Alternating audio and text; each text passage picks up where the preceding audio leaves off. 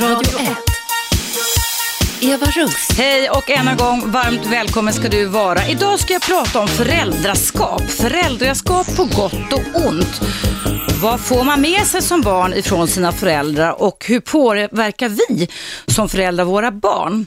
Idag har jag med mig en väldigt exklusiv skara här inne i studion. Faktiskt nästan fullt inne i studion just nu. Eh, Jag välkomnar min dotter Rebecka. Hej, hej. Välkommen hit. Och Tack. jag välkomnar, vem sitter bredvid dig där då? Vad heter du? Benjamin. Benjamin och du är alltså mitt barnbarn, du har ju varit med i radio förr. Ja. ja. Och sen har vi lille Simon som sitter i knät här också, men han pratar inte så mycket än, eller? Nej. Nej. Ja, du är ju min förstfödda dotter och ska vara med en liten stund här och är ju själv förälder. Yes. Och jag antar då, Rebecka, att när man Yes. själv blir förälder så väcks det väldigt många funderingar kring hur, hur ens egen förälder var när man får barn själv, är det så? Ehm, ja, det tycker jag. Ehm, innan jag fick barn så funderade jag väldigt mycket hur eh, jag ville vara som förälder. Ehm, och då tänker jag ju att de bra sidorna som, som jag har fått från dig och pappa är ju de som jag verkligen vill föra vidare till mina barn jag uppfostrar dem och lära dem och, och så vidare. Ja. Eh, först ska vi prata med mamma Benjamin eh, och min dotter Rebecka. Du, Ja. vad, vad, vad, vad minns du att jag hade för bra sidor som mamma? Nej, men du hade jätte- jättemycket bra sidor. Ehm, jag tänker i alla fall, du lärde oss väldigt mycket att vara självständiga ehm, och starka individer, stå upp för ehm, egna åsikter ehm, och tänka Ja. mycket positivt också. Eh, har vi ett mål så kan vi göra det. Tänker vi positivt så klarar vi av det, Mm. Bland annat. Okej, och eh, eh, jag tänker att det här programmet ska vara lite självreflektion. Att det kan vara värt att fundera över också. Eftersom jag ofta säger att det är aldrig för sent att förbättra. Vad, vad minns du av för dåliga sidor? Ja, när, jag, när jag var din mamma, när du var liten. Mm. Ska vi gå in på det? Några stycken i alla fall. Det kan, det kan ju låta det positiva överväga det negativa. Men vad vill Ehm. du inte föra över på Benjamin och Simon som sitter här? Ja, det som jag inte vill föra över till dem är väl eh, att eh, Alltså man kan ju ha ett hett temperament och kunna sätta gränser. Men man kan också göra det på kanske lite mer diplomatiskt sätt. Hur gjorde jag då, när du var Ehm, liten? Ja, men alltså på grund av omständigheterna så var ju det ganska mycket själv med oss. Ehm, och nu har ju Simon här som ger ifrån sig lite ljud. Mm. Jo, ehm, och, ehm, och det var ju jättetufft för dig, det förstår jag nu. Men jag tänker Som att... ensamstående mamma, som jag har sagt till många lyssnare. Ja. Ja, precis. Men jag tänker att ibland att eh, kanske alltså, utbrotten och aggressiviteten och sådär kunde ha varit lite mildare. Och jag vet att jag själv hade den tendensen innan jag fick barn att kunna vara, ha väldigt hett temperament och agera mycket utåt, aggressivt så. Ehm, och det är en grej som jag inte vill att mina barn ska ehm, få. Mm. Och, Jag, hade, jag, hade, alltså jag markerade för hårt emellanåt och var liksom för, för, för förbannad. Jag blev förbannad om man säger så. Ja, precis. Eh, sen kan jag tycka att är eh, barnet väldigt trotsigt i affären så måste man kunna våga sätta gränser och inte falla för barnens trots att de ska ha godis på en onsdag när det är egentligen lördagsgodis som gäller. Och där får man ju sätta gränser. Men där var jag väl ganska tydlig. Ja, där var det Ja, väldigt ja, tydligt. Det är det jag menar. ja. Den balansen eh, ska man ha kvar, tycker jag. Ja, nu ska vi höra, eh, Benjamin, är du beredd att prata med oss? Ja. Ja. Bra. Du, om vi pratar om din mamma som sitter här med mig idag, med mormor. Vad tycker du om henne? Vad är mo- mamma, din mamma bra på? Baka k- tårta. Är hon bra på att baka tårta? Vad bra. Är, vad är det för tårtor mamma brukar baka då? Eh, jag vet inte. Nej, det är inte så lätt att komma ihåg. Kanske det med grädde på? Ja. Ja. Banantårta. Banantårta. Och vad, vad tycker du mamma, är, vad, vad gör dig glad när du är med din mamma? Eh, jag vet inte. Nej. Gör ni någonting roligt ihop på dagarna? Ja. Vad då till exempel? Vi, eh, vi äter frukost och leker. Ni leker tillsammans också? Ja. Tycker du att mamma eh, har hett temperament ibland? Eh, jag vet inte. Nej, man vet kanske inte riktigt vad det är. Tycker du att mamma ska bli bättre på någonting då? Ja. Vad, vad ska mamma bli bättre på? Träna. Ska mamma träna mer? Men jag tänkte, jag tänkte hem mot dig och mot- din lillebror. Ska mamma bli bättre på någonting där? Eh, jag vet inte. Är det någonting du önskar att mamma skulle göra? Vad Jag skulle... vet inte. Nej. Nej, Ja, det är inte så lätt att veta. Men du tycker det är kul att vara här i alla fall, eller hur? Du var ju med här förut. Ja. Kan, kan du berätta vem det var du fick träffa på mammas eller mormors arbetsplats nyss? Markoolio. Du fick träffa Markoolio. Och hur var det då? Bra. Mm. Du, om vi tar och pratar med din mamma igen, med Rebecka då. Hur, hur tänker du nu? Dina barn är ju snart fem och ett år gamla. Hur gör du dig medveten om vilka saker du vill fortsätta med och vilka saker du liksom vill sätta stopp för?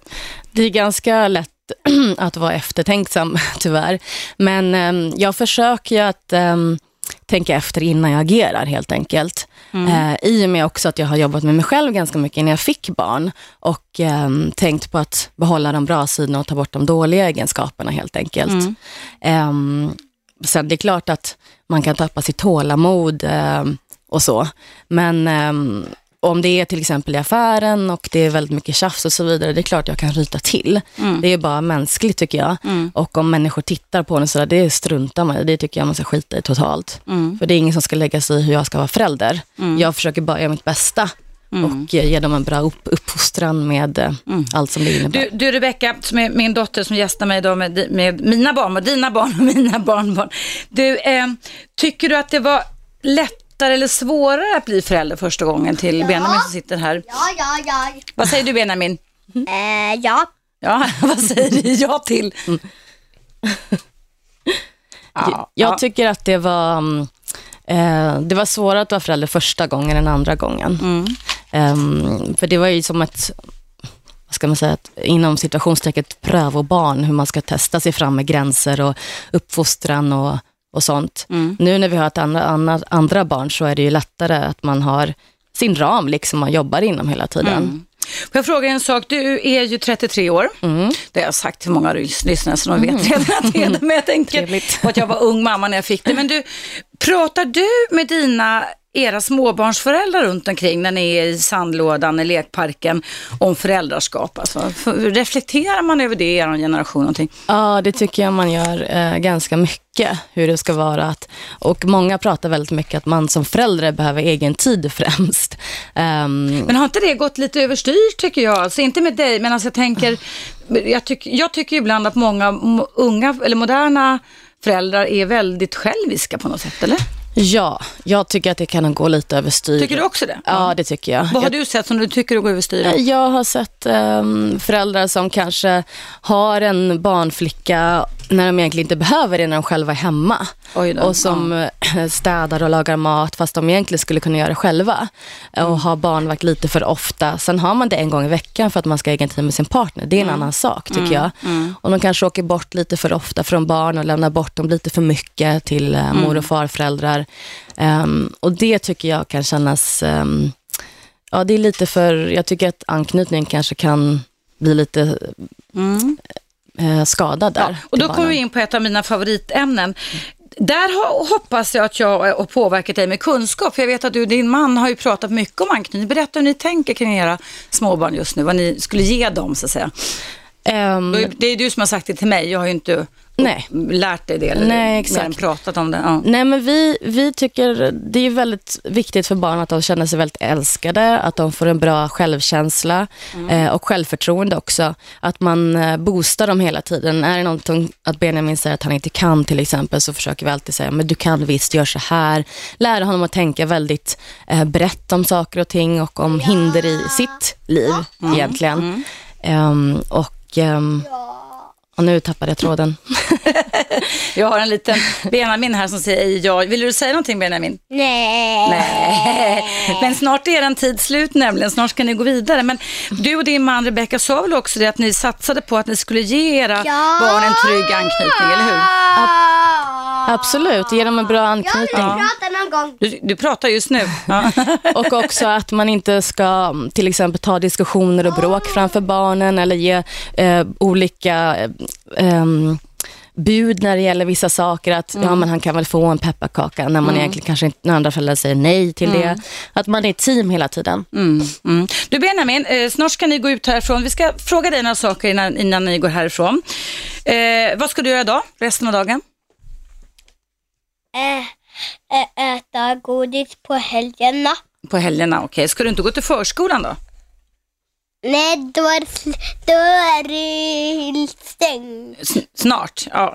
Och vad händer sen? Julafton Ja, det, julafton kommer snart. Vad händer då? då? blir dagens ledig. Vad händer då, då när, när julafton är, Benjamin? Jag vet inte. Det vet du väl visst det. Nej, Vem är, vem är det som kommer då? julafton. Nej, men, Tomten! Aha, fast ko- kommer han till alla barn? Ja, han, han hinner inte till alla barn. Hur gör man då då? Får inte alla barn julklappar? Alla barn, men inte... Men, de, men tomten hinner inte till alla barn. Nej, men de barnen får julklappar ändå, eller hur? Ja. Ja, bra. Hörrni, ni, eh, det var jättekul att ha med er här som en starter på mitt program idag som alltså kommer att handla om föräldraskap på gott och ont. Vad, vad får du med? Har du fått med dig från dina föräldrar som lyssnar just nu? Vare sig du är ung eller gammal. Och hur, är du medveten om hur du har påverkat dina barn som förälder? Det är ta- tid för reflektion, funderingar och till och med också så att man kan börja med att, att förbättra vissa saker. Ring in i pausen så kommer nu på Radio 1. Numret är 0200 11 12 13. Och jag vill då säga jättemycket tack till min dotter Rebecka och till Benjamin. Tack för att vi kommer hit. Tack för mig, komma babba babba rumba, Ja, rumba, tack ska du ha. God jul. God jul. Tack ska ni ha. Ja, hej, hej.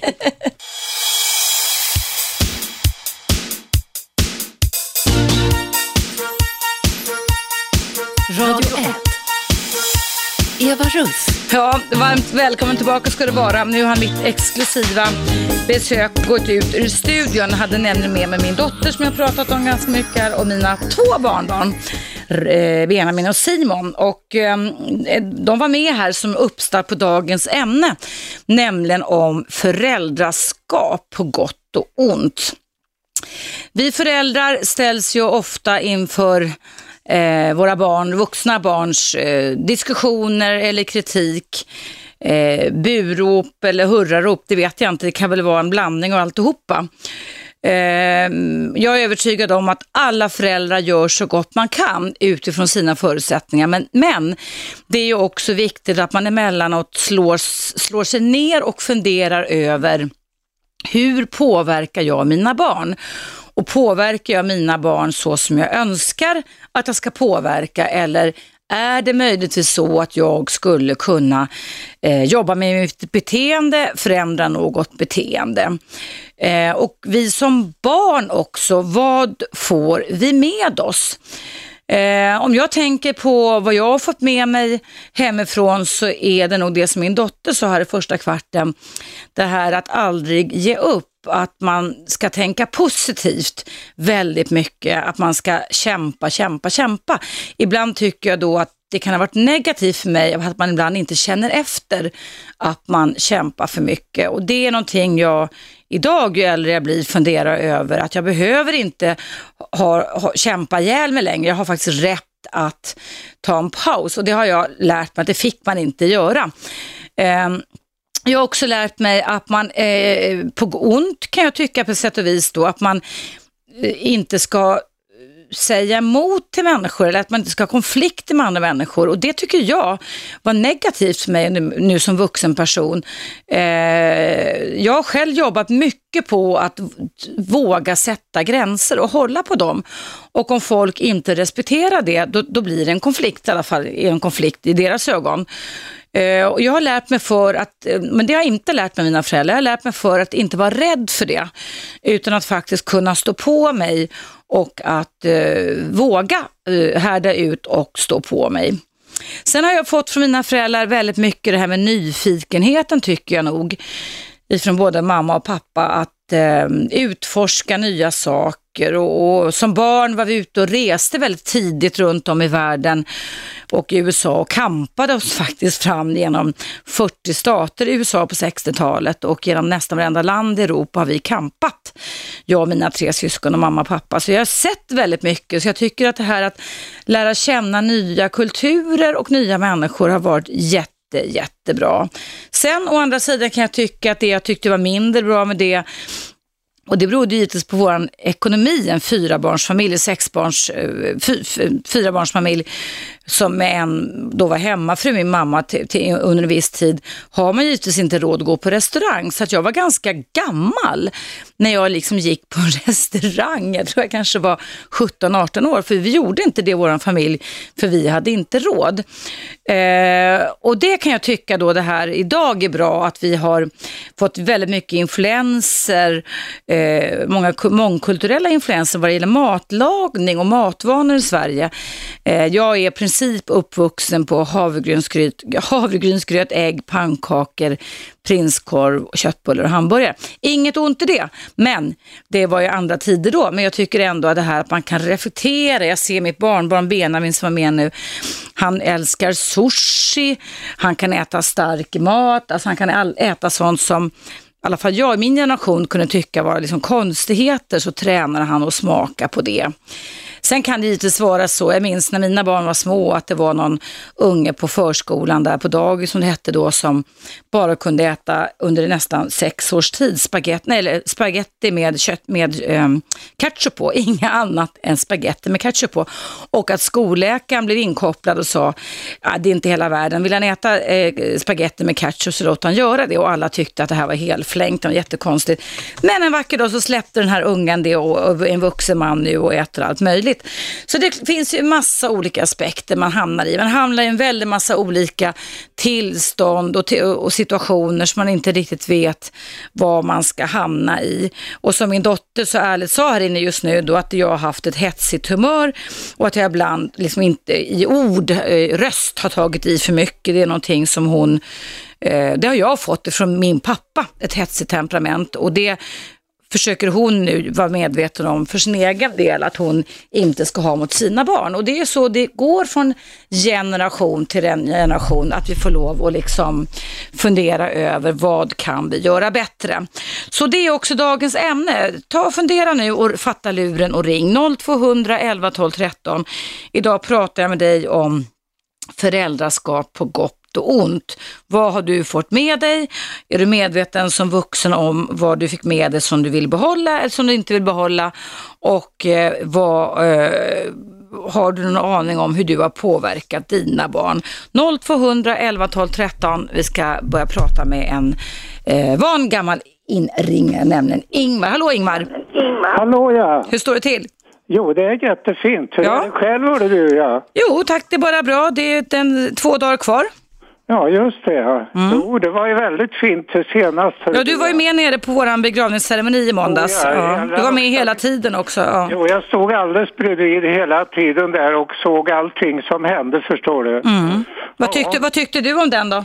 Jo, det var väldigt fint, hör du. Jag, jag tycker det var Ja, det, var ju synd inte hade en större plats helt enkelt. Mm. de fick ju inte rum här mer än en liten bit sen. Mm. Sen mm. stod de långt bort också här. Mm. Ja, nej, det var, nej, det var väldigt fint alltså tycker jag. Mm. Mm, det, var, ja, det jag vill prata om det är att jag har två barn, fyra barnbarn och ett barnbarnsbarn. Va? Ja, det är inte illa. Nej, för du, det är jättefint förstår du här. Beträffande barnen alltså, så att eh, vi var ute precis likadant som du beskriver att ni var med, med era barn här helt enkelt här. Mm. Vi, var, vi var också ute i Europa och vi var ute på alla möjliga tillställningar och äh, det var väl så egentligen att äh, alla pengar gick egentligen åt för, för själva resandet och, så, och sånt där och sen mm. så hann man inte med så mycket mer än att, än att resa, se en massa saker här mm. och uppleva olika delar här.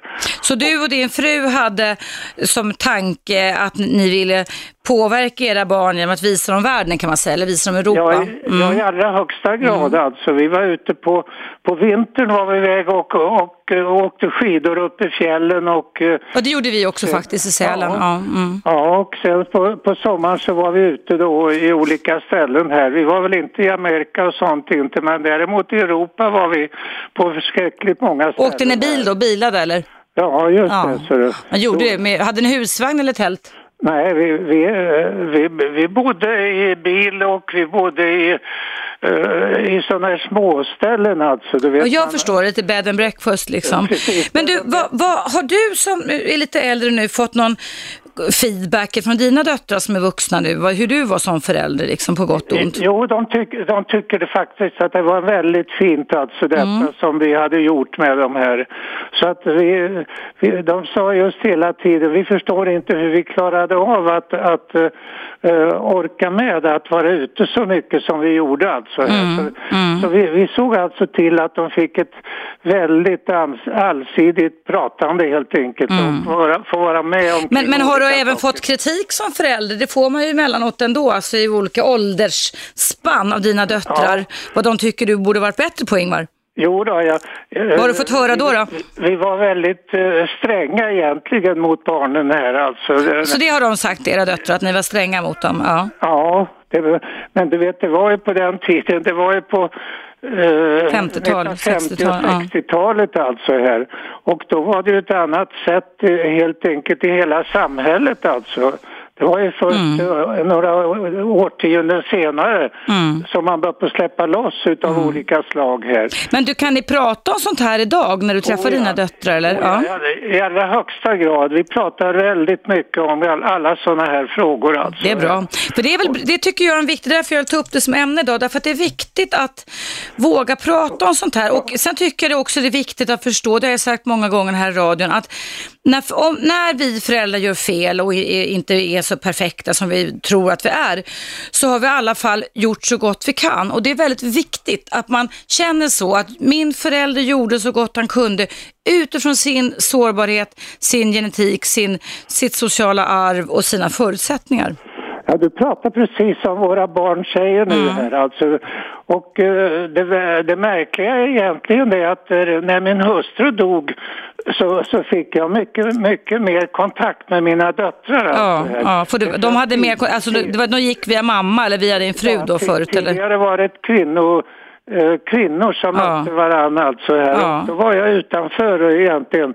Nu är det något helt annat. Nu sitter vi och diskuterar Vad roligt. alla sådana Ja. här frågor. Alltså. Underbart. Eh, jag har ju det minsta barnbarnet, barnbarnsbarnet här. Hur gammalt är det då? Ja, han är två år drygt. Alltså. Två år drygt. Två, två och eh, tre månader alltså. Ja.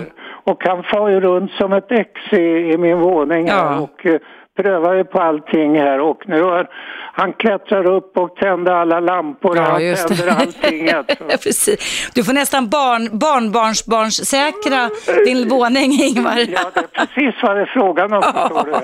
Han är livrädd om de ska trilla ut genom fönstret så- eller stoppa det- fingrarna i kontakten och sådär. Jo, det är jätteroligt Mm. alltså. Här. Och, nej, men jag tycker framförallt alltså att jag kan nu med mina barnbarn barn och barnbarn prata väldigt mycket om olika saker här. Mm, mm. Att ha igång en dialog och att Ja, våga vara öppen och konstruktiv. Ja, du, vi ska ta en liten paus här nu Ingvar. Det var kul att prata med dig. Fortsätt gärna lyssna. Vi ska ta en nyhets och uppdatering nämligen nu. Tack snälla du för ditt samtal. Tack ska du ha. Ja. Hej! Hörrni, vi pratar idag om föräldraskap. Föräldraskap på gott och ont. Vad har du fått med dig från dina föräldrar? Är det, vad, var bra, vad var dåligt? Är du medveten om det? Och hur har du som förälder, tror du, påverkat dina barn? Har du fått någon feedback? Det är dags för självreflektion. Du kan ringa nu, det är dags för en nyhetsuppdatering på Radio 1. Numret är 0200 11 12 13.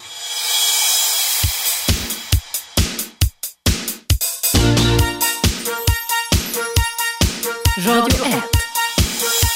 Eva Russ.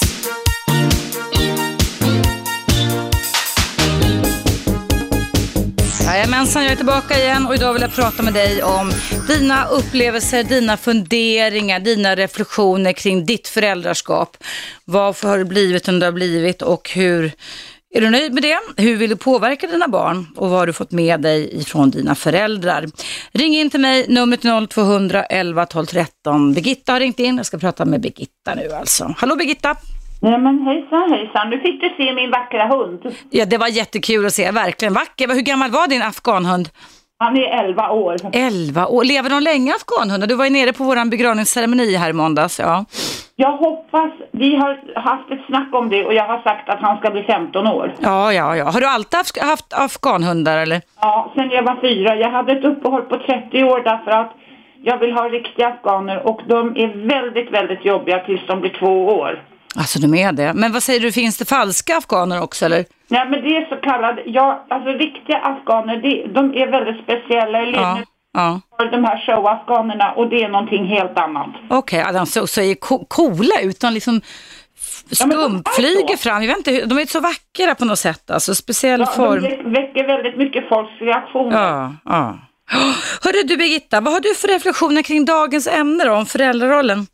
Ja, jag har ju alltid varit ensamstående förälder och jag, vad jag har lite svårt att förstå idag det är det att det här med egen tid. Jag menar en vacker dag så är barnen inte hemma. Mm. Och jag tycker att om man inte har tid med sina barn, varför har man barn då? Mm. Du hörde vad min dotter sa va? Ja, hon, hon diskuterar ju just det här med att man skaffar nannies och Ja, att det verkar vara lite inne i alla fall i vissa ställen, på vissa ställen eller kretsar eller områden i Stockholm. Jag kan inte förstå. Mm. Ungefär på samma sätt, jag menar jag vet min dotter hon är hemma med sina barn och jag har sagt det att jag tycker det är jättebra. För jag kan inte förstå varför små barn, sen finns det vissa som inte klarar sig på annat sätt. Ja. Men jag menar kan man så tycker jag man ska hemma för jag Mm. inte att det är rätt mot barn att de ska ha längre arbetstid än vad vi har. Nej, det är det inte. Nej, men det har jag ju pratat många gånger, Birgitta, här också sagt att det, jag tycker man ska göra allt vad man kan för att undvika att sätta ett liten ettåring, precis som har fått ett, ett, ett år i förskolan. Jag tycker man kan vänta, försöka dryga upp, pussla tills det åtminstone närmar sig tvåårsstrecket, ett och ett halvt år. Barnen är inte riktigt mogna för så stora dagisgrupper som det är då, eller förskolegrupper. Nej, är de de är inte. för små, de är för små. En liten 12 månader ska inte, mitt, mitt barnbarn Simon var med nu i studion, han är 13 månader och han får ju separationsångest bara, alltså han, nu känner han igen mig, men han vill ju krypa tillbaka till sin mamma och pappa som är trygga hamnen för honom. Han är inne i en viktig, expansiv del av hjärnan utvecklas jättemycket just nu. Eh, så att han, de, de, han ska börja när han är ett och ett halvt eller lite senare, vilket är jätte, jag är jätteglad för det. Ja. Nej, men jag tror att, jag menar om du tittar på små barn, om vi säger ända upp till nästan fyra års ålder, de leker ju inte med varandra, de leker bredvid varandra. Ja, ja precis. De, det, det är från två, två och ett halvt års åldern som man leker tillsammans och sen blir det mer och mer. Ja. Mm. Så att jag tycker att det är nästan, jag menar har man inte, jag menar förr när, jag menar jag kommer ihåg vi hade ett nyckelbarn och henne tyckte vi så vansinnigt synd om när jag var liten. Ja, det hette nyckelbarn. Det var de som gick hem och det var, tom, oj, så det var tomt i huset. Man tyckte synd, det har du rätt i, det har jag också minne av. Det är väl en väldig massa nyckelbarn vi har runt om i Sverige idag då? Ja, och jag tycker synd om dem. Eller nyckelbarnen sitter på dagis i 12 timmar istället, eller? Ja, men alltså bara det här, du vet att även om man inte var hemma, Mm. men att hände det någonting så fanns mamma där. Mm. Och, och jag menar bara det var ju en trygghet i sig. Mm, mm. Jag kommer ihåg att vi hade tant Seipel hette hon som var våran granntant när vi bodde inne i stan. Hon var också hemma med sina tre barn, vi är ju fyra syskon och min mamma och hon de liksom varvade varandra och de löste av varandra och så var vi lekte i deras stora våning så var vi uppe i våran stora våning och lekte och när vi var sjuka och fick mässling och vattkoppor så buntade de ihop oss. Så det var ju nästan som en lite förskoleaktivitet, förstår du? Men att det var... Det hade vi också. Jag kommer ihåg när jag hade mässlingen, då gick jag över till grannen för de hade också mässling. Ja, visst, man liksom smittar varandra allt vad det var. Men man kunde hjälpa till och man kunde få en frihet. Men sen idag, all respekt att det här gör papporna lika bra, va? men att det kan vara en kontinuitet och en trygghet för många barn. Och det här som jag har haft som evig debattämne här på radio, att inte sätta dem för tidigt i förskolan, det kommer jag stå för till dödagar. Det är rent förskräckligt. Mm. Jag menar, de facto kvarstår, även om de sover och så vidare, så har de längre arbetstid. Ja, än vad vi har. Ja, ja. Okej, tack Birgitta, tack för ditt eh, samtal. Jag hoppas du fortsätter att lyssna till The Bitter End, men det vet jag att du gör också. Ja, Tusen tack, tack ska du ha. Hej! Eh, Sofia har ringt in om barn och förskola. Hallå där! Hej. Hej!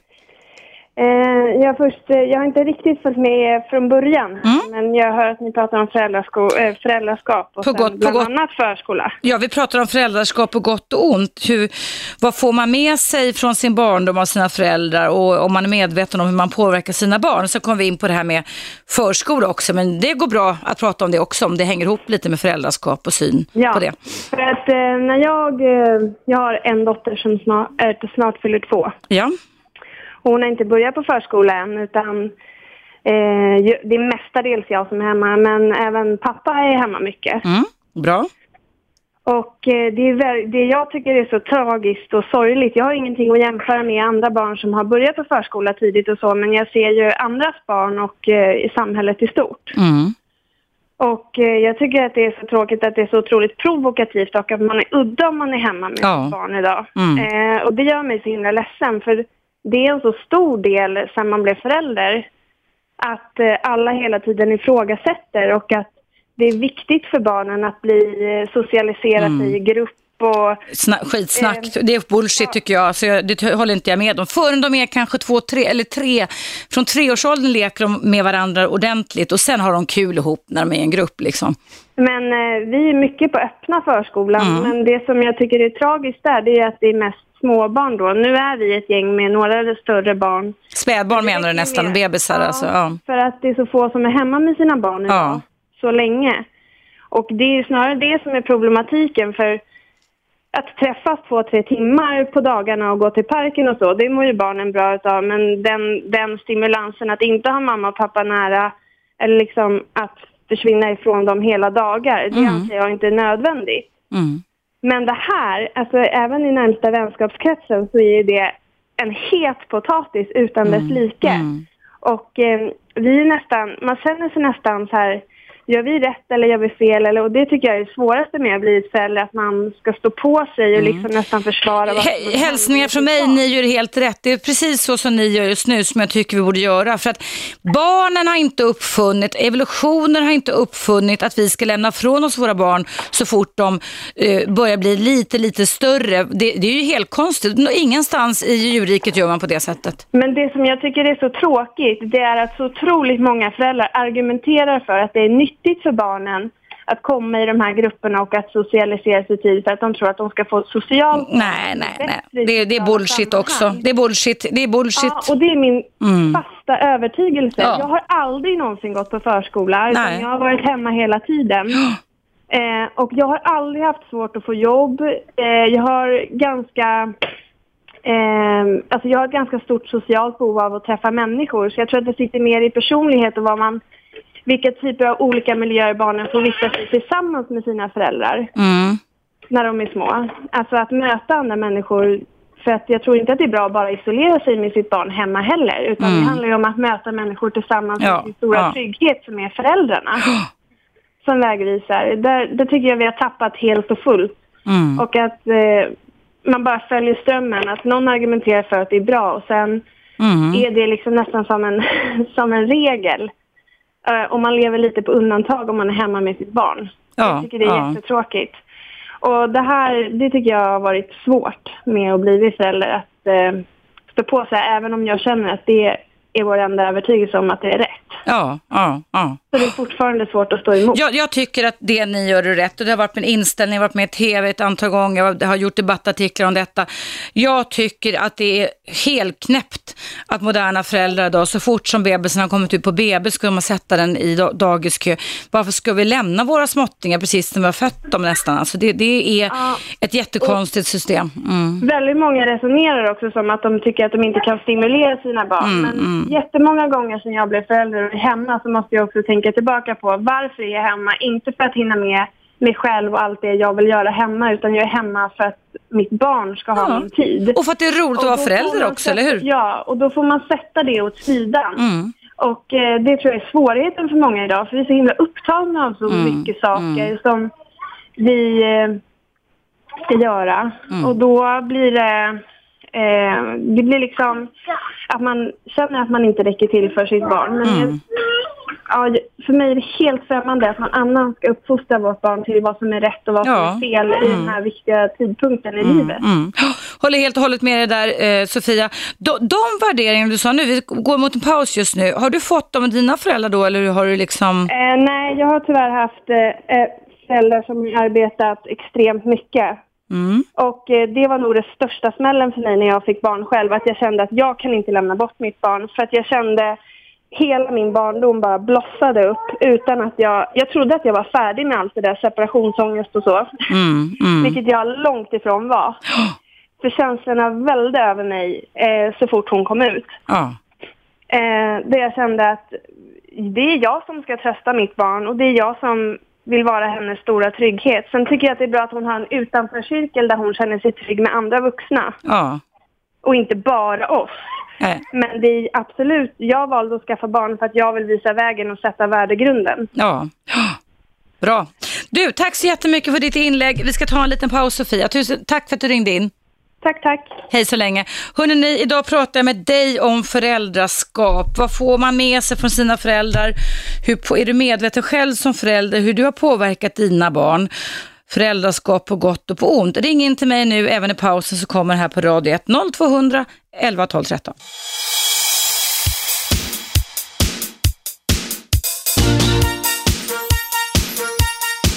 Radio 1.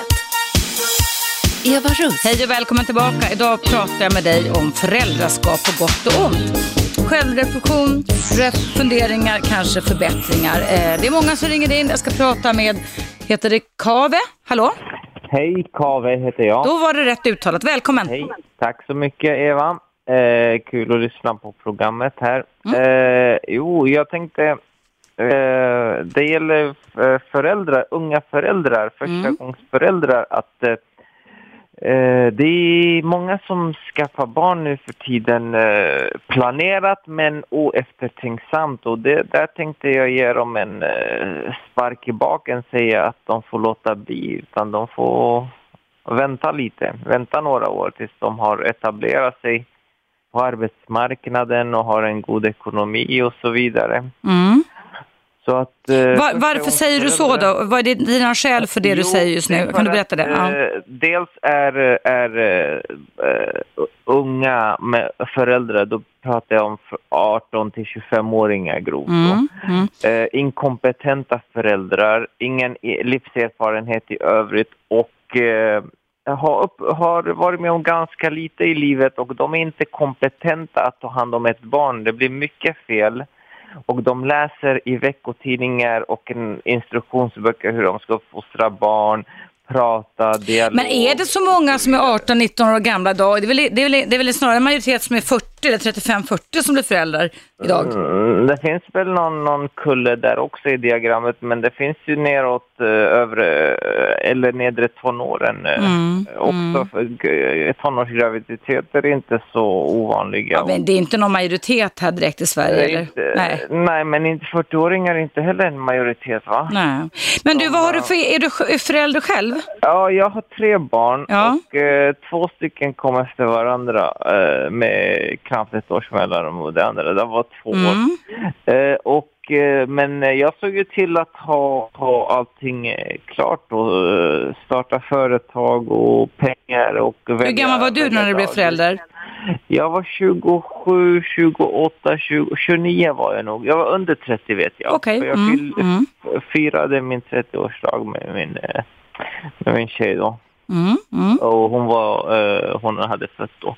Okej. Eh, Mm. Men eh, jag tycker att de inte ska göra det för att de är, och då tänkte jag du som, som psykolog, psykoterapeut, Mm. analytiker, idrottsspecialist, relationsexpert och så vidare Mm. kan väl eh, komma med din, eh, din åsikt eh, vad man ska säga till förstagångsföräldrar som inte har, eh, har fötterna på jorden, både när det gäller eh, arbetsmässigt, eh, ka- karriärsmässigt, pengamässigt. Nu säger du det så bra så jag gärna- tänker inte säga det heller. Men, utan, utan, och jag, jag kan ändå tycka att det är bra.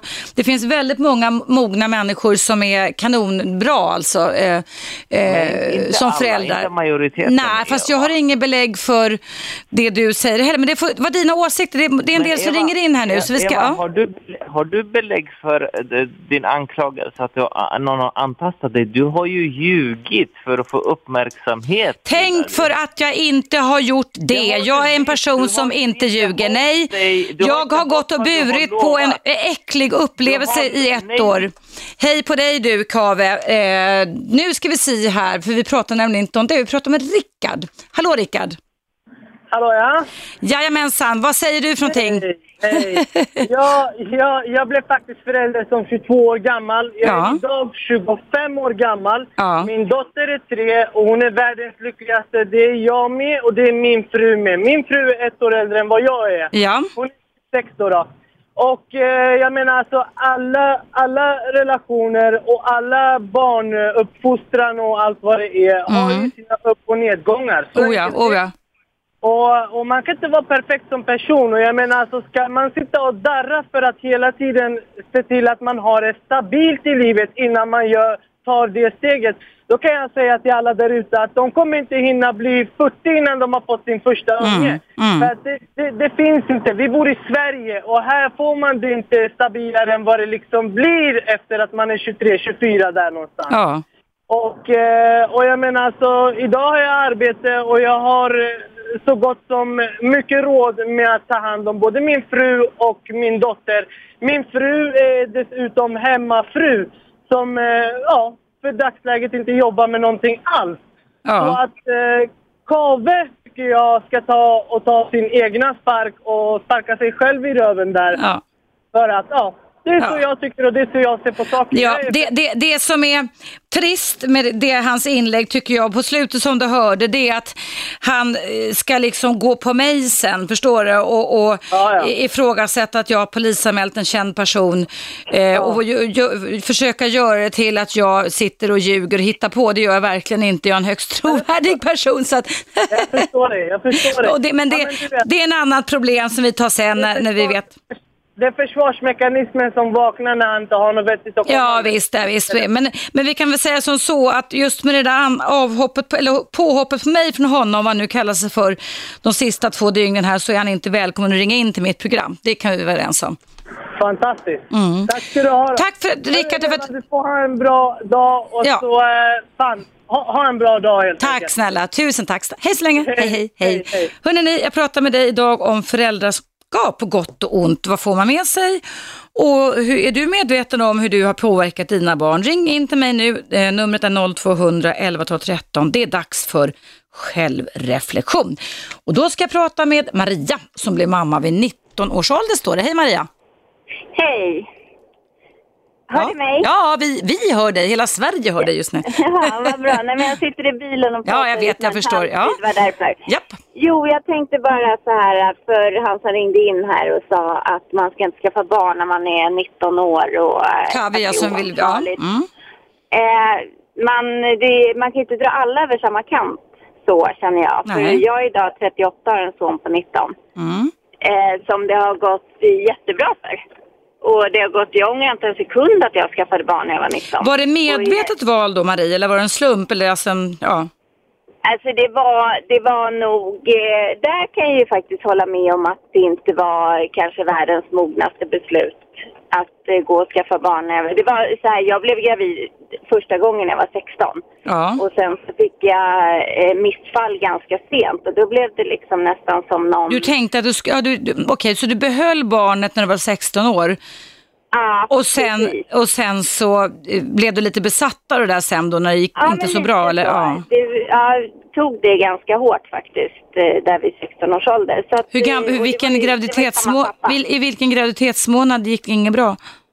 Eh, I vecka 13, så att det var ju ganska tidigt Ja, ändå. ja, men ja. det var ändå, eh, det vart liksom, och det vart en stor grej av det på sjukhuset. Jag fick ju ligga en natt och de visste inte om barnet levde eller inte. Och, det vart ja. liksom väldigt sådär så att det vart En, en känslomässig händelse som etsade sig in i dig kan man säga. Ja. Precis, Mm. det kan man säga. Men jag ångrar inte en sekund idag att jag skaffade barn Nej.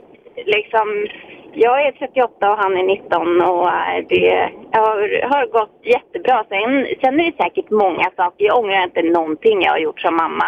Men som jag kanske skulle göra annorlunda om jag blev mamma idag. Ja. Eh, men jag känner inte att jag på något sätt gjorde någonting som skadade eller var fel för min son. Mm. Sen får man ju offra mycket annat Mm, när kompisar går ut på krogen och allt sånt där. Men det har inte stört mig. Fick du fler barn sen eller fick du den här sonen? Jag fick honom när jag var 19. Sen råkade jag dessvärre ut för en olycka när han var sex år. Så Ja. efter det kan jag inte få några fler barn. Oj då. Men du har honom och du är 38 och han är 19. Det är lite häftigt, eller hur?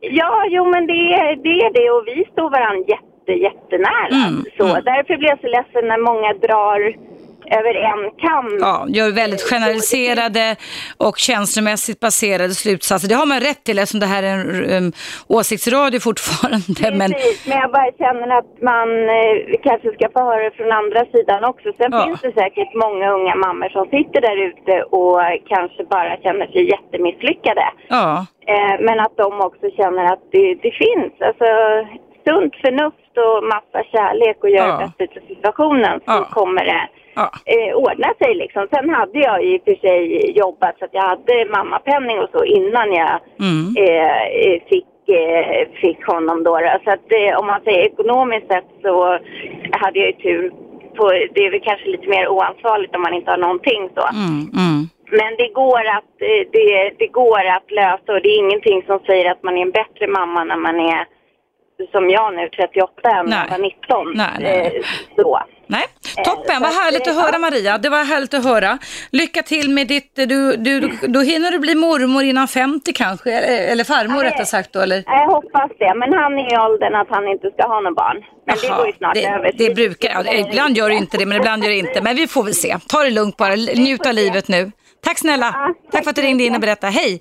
Hörrni, det är många som vill reflektera över hur föräldraskap på gott och ont, som är dagens tema idag. Men nu är det dags för en nyhetsuppdatering. Du lyssnar på Radio 1. Jag heter Eva Russ och vi ska prata med dig om föräldraskap vad man får med sig, om du är medveten, om du kan reflektera lite över, både som barn eller vuxet barn och som förälder till vuxna barn, vad du gjorde och vad du kunde ha gjort bättre. Numret är 0200 11 12 13.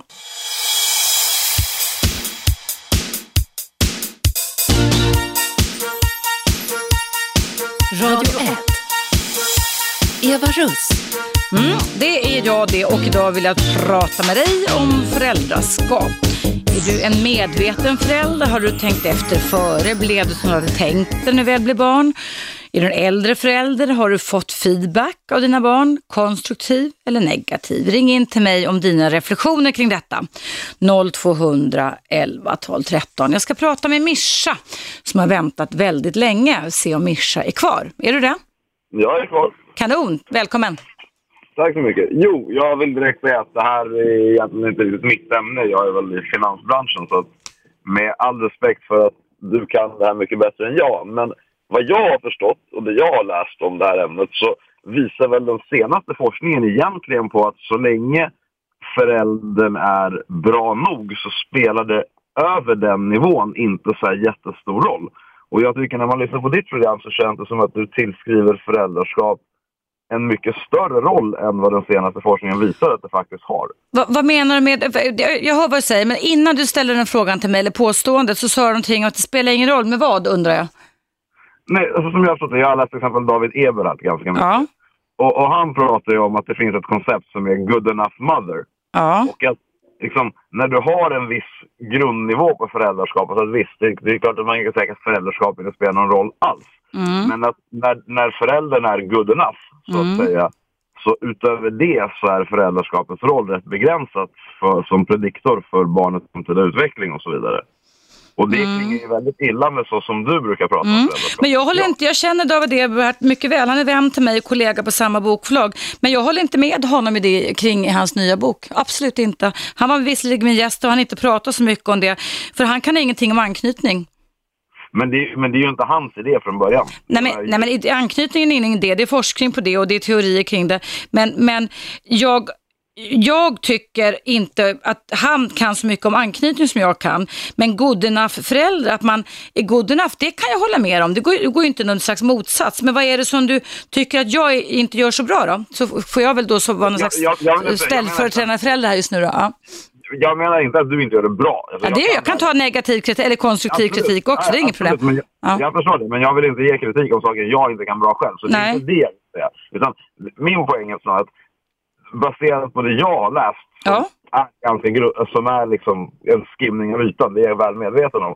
Så alltså, den här idén om att allting beror extremt mycket på barndomen. Den kommer väl från psykoanalysen från början. Och den Ja, eh, precis. Men, men- men sen så byttes, eller inte byttes den ut, men sen så började man på 40-50-talet, den som tog tag i detta hette John Bowlby.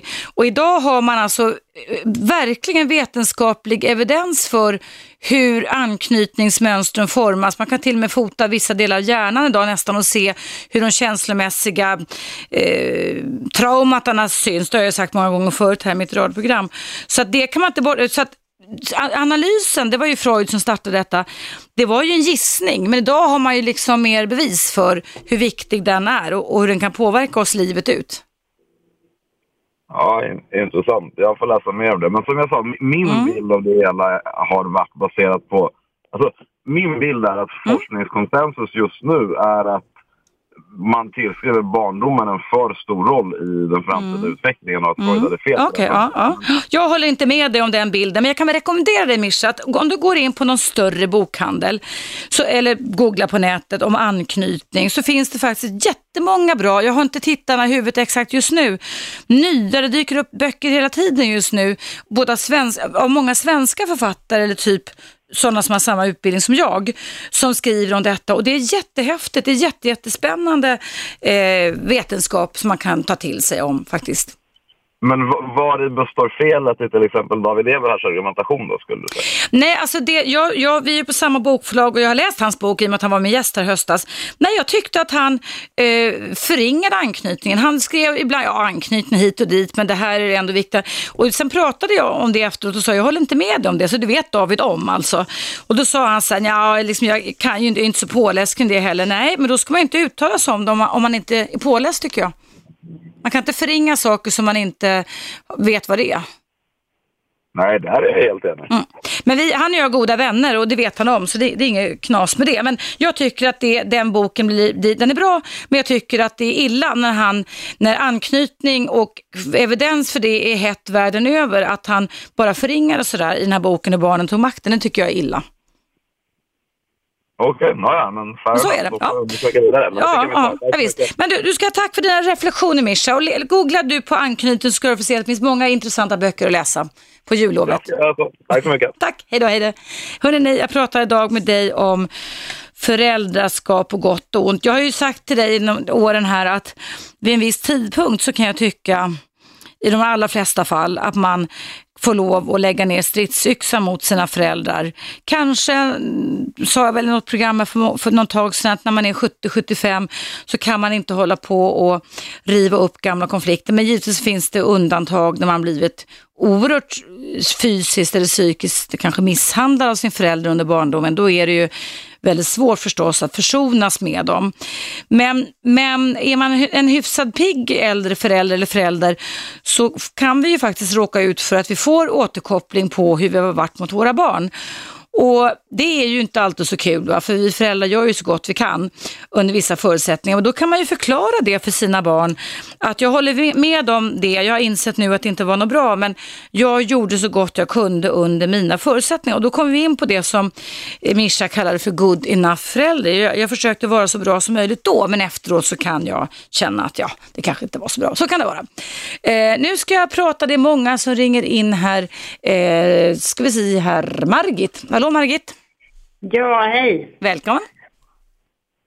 Ja. Eh, Ja, hör du mig? Ja, hela Sverige hör det också. Ja, då. Det blir så, det blir så här tvärtyst. Mm. Nej, men jag, jag, ibland så pratar jag för fort så därför så har jag övat mig på att vara tyst. Jo då, nej men eh, det där med anknytning det är ju väldigt viktigt tycker Mm. jag. Och eh, jag är 61 nu, jag fick mina barn det första när jag var 23 och det andra när jag var 26. Mm. Och, ehm, och jag var faktiskt hemma med dem i sju år. Mm. Men, eh, och, men så hade jag lite dag, dagbarn och så hade, städade jag en lek, lekskola också. Men det var ju sånt som de var med Mm. Men på. du som vuxen nu när du är 61 och vuxna barn, har du fått någon feedback från dem på hur ditt föräldraskap var?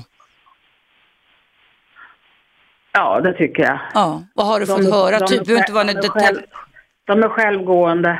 Ja, men har de, har de någon gång sagt så här, hör du mamma nu, det här vill vi tala om för dig och det här tycker jag, eller det här har vi upplevt som var jättebra eller jättedåligt och sådär? Nej, det är väl snarare saker som jag har gjort på äldre dagar i Mm, så fall. Som jag kan få en snyting av. Eh, alltså eh, verbal.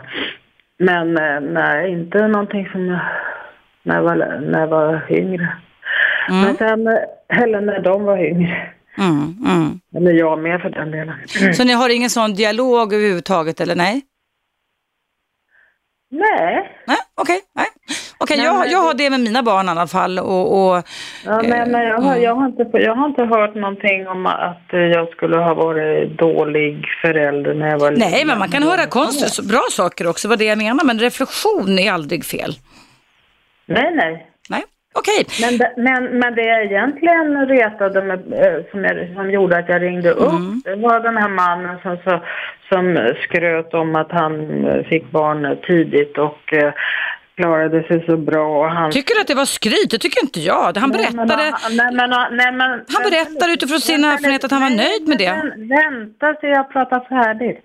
Sen eh, sa han att, eh, och eh, min fru behöver inte arbeta överhuvudtaget. Hon är hemmafru.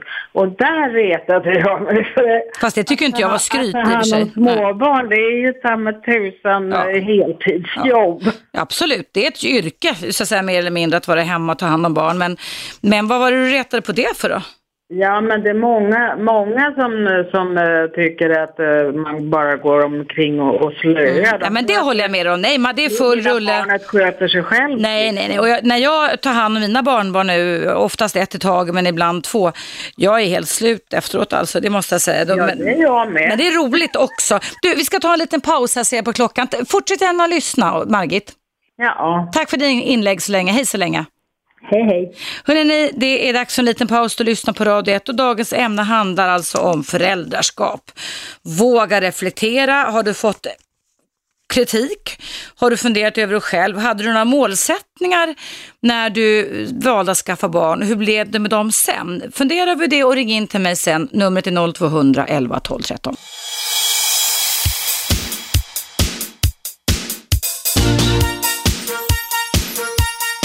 Radio 1. Eva Russ. Välkommen tillbaka. Ja, eftersom det är sluttampen här på Radio 1 existens, existens så tänker jag att det kan vara bra att ta ett nappatag och reflektera över sitt eget föräldraskap eller vilket föräldraskap du upplevde som barn att dina föräldrar hade på gott och på ont. Numret är 0200 11 12 13. Det är fullt på alla linjer och eh, ja, vem ska vi ta nu då? Vi tar Cecilia tror jag om du är kvar. Hallå Cecilia?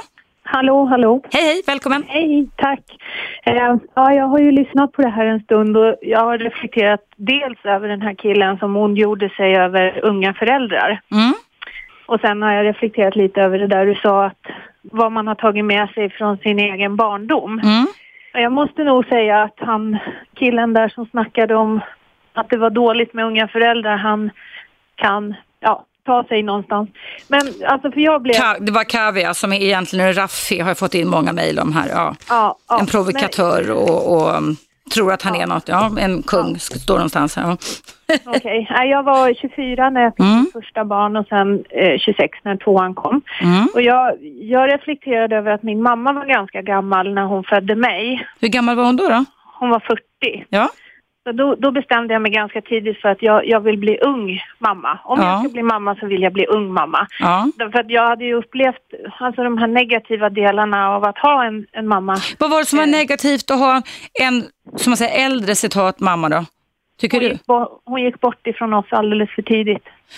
Det är en aspekt, ja. Det var den stora, Mm. det var den stora nackdelen. I, i övrigt så, så eh, fanns det bara gott att säga om, om henne och om min pappa också. Men, men just det där att jag förlorade henne för tidigt i Mm, livet känns mm. det som. Hur gammal var du då? då? Jag var 33 och hon skulle fylla 73. Mm. Så det liksom, ja, men då hade jag ju ändå redan bestämt mig för att bli en relativt ung mamma. Och, Mm. och barnens pappa var ju med på det här och, och eh, Hur gammal var du då, då när du fick barn? jag var 24 när 24, Sophie kom. mm. Ja, så jag hade liksom redan innan mamma försvann ifrån oss så hade Ja. jag redan bestämt mig för att jag ville bli ung mamma. Ehm, och, och jag känner väl lite grann så här att jag hade inte gjort så mycket färdigt i livet med karriär och sådana där saker. Mm. Utan det, det gör jag nu. Ja, Alltså, jag är ju ja. 44 Ja. och har ju pluggat på universitet och självförverkligat, självförverkligat mig efter konstens alla regler med lite äldre barn. Vilket alltså innebar att jag kunde vara hemma med mina ungar. För Ja. det, ville jag, det ville jag också vara. Eh, Så de, eh, de behövde inte uppleva dag, alltså barnvård. Nej, Det- nej. Har de, har de, för då är de hyfsat vuxna nu, inte riktigt, men nästa, ja, sl- sluttampen av tonåring kan jag räkna ut då, något sånt. Ja, 20 och 18. Ja. Och har, har ni haft någon dialog kring eh, din föräldraroll och din inverkan på dem och så? Alltså, ja, vi har pratat lite grann om det där, bara inte, inte så djupa diskussioner kanske, men, men jag har ändå förklarat för mina barn att det, det jag tyckte mina föräldrar gjorde som var fel, Mm. det ska inte de behöva uppleva. Vad till exempel kan det vara då i sådana fall, Cecilia? Ja, ett exempel kan ju vara det här med, med fritidsaktiviteter till exempel. Jag fick ju, jag bodde på Frösön då i Jämtland och jag fick ju ta mig till ridskolan själv. Och, alltså mina föräldrar kunde inte riktigt supporta mig med, i mitt fritidsintresse. Mm. Ehm, och och det, har, det lovade jag mina barn att det skulle jag göra. Så att det, det är en sån där liten grej då som jag har tagit fasta på. Mm. Ehm, och sen, sen så, så var det väl lite grann så här att, eh, ja, mina barn, de får ofta och gärna höra att de är duktiga och att de, att de är bra och att jag älskar dem och sånt där. Och det kunde jag kanske sakna lite, den här kommunikationen med mina Mm. föräldrar. Mm, mm. Det var väl de där två grejerna som jag liksom tog fasta på att det här ska mina barn få som jag inte riktigt fick. Mm, mm. Och jag, jag kan, alltså det, det bästa kvittot jag fick som förälder, nu är det väl risk att jag låter apskrytig här, men min son han mönstrade för inte så länge sedan för att göra sin grundläggande militära utbildning. Ja. Och då får de ju prata med en psykolog. Ja, just det, det stämmer. Och den här Ja. psykologen frågar ju då liksom, ja hur har din uppväxt varit? Och, och, och då kände jag att jag fick ett ganska bra kvitto ifrån min son hur jag har varit som förälder. Därför att han berättade för mig och för den här psykologen då att han har haft en bra uppväxt. Han har trivts med sina föräldrar, han känner sig älskad och omtyckt. Och då, då smälte mitt lilla moders hjärta för Mm. att han skulle väl aldrig ha sagt en sån sak om det inte hade varit så. Nej, nej. Och Har han kommit in på grundläggande utbildning nu då? Ja, ja, ja, han har gjort den och han har fått fast anställning efteråt inom Försvarsmakten också. Så att jag är mer än stolt över, över hans... Mm, kul. Och, och jag menar, det återspeglar ju kanske lite mig som förälder också, att man har pushat dem och stöttat dem. Och, Mm. Och sen ser man då när de blir lite äldre vad, vad det har gett. Mm. Men du, de här re- reflektionerna som du kom nu med avslutningsvis Cecilia om bra, gott och ont. Du sa lite onda, eller inte onda saker, men saker du bestämde att det där, det där så vill inte jag göra. Jag vill vara nära mina barn, skjutsa till fritids och jag vill ge mer berömma dem mer. Finns det någonting annat som var bra som du fick med dig från dina föräldrar som du har fört över på dina barn? Ja, ja det tror jag absolut. Alltså, pappa var ju väldigt mycket så här att vad som var rätt och vad som var fel. Mm. Ja, Och, och mycket det här att man liksom fick ta konsekvenser för om man gjorde fel. Och det kan jag, jag ju- jobbar ju lite med ungdomar idag som, som inte har den här ramen Ja. omkring sig. Många av dem kommer ju oftast till våran spontanidrott som vi driver här i Tumba.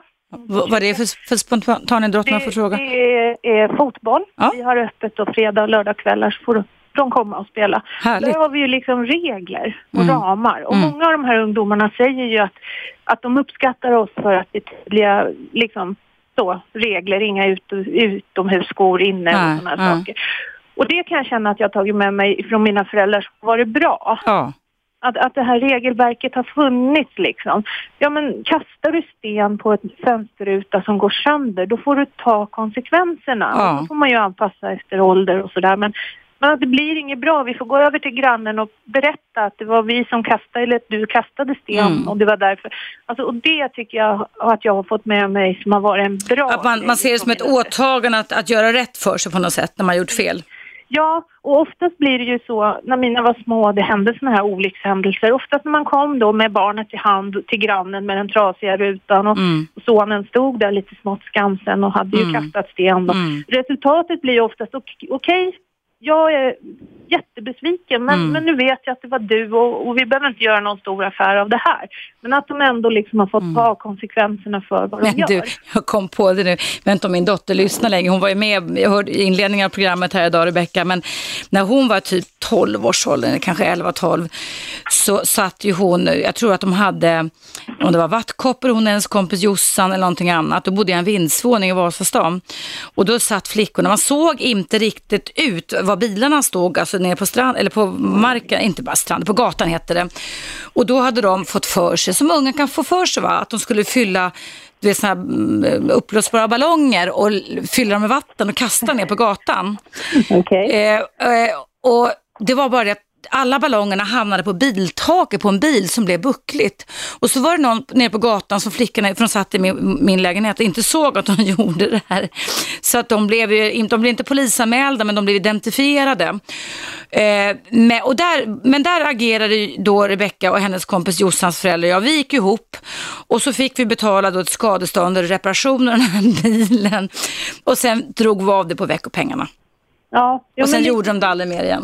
Ja, men lite, lite så blev det med den här... Det är ett åtagande, ett commitment så att säga.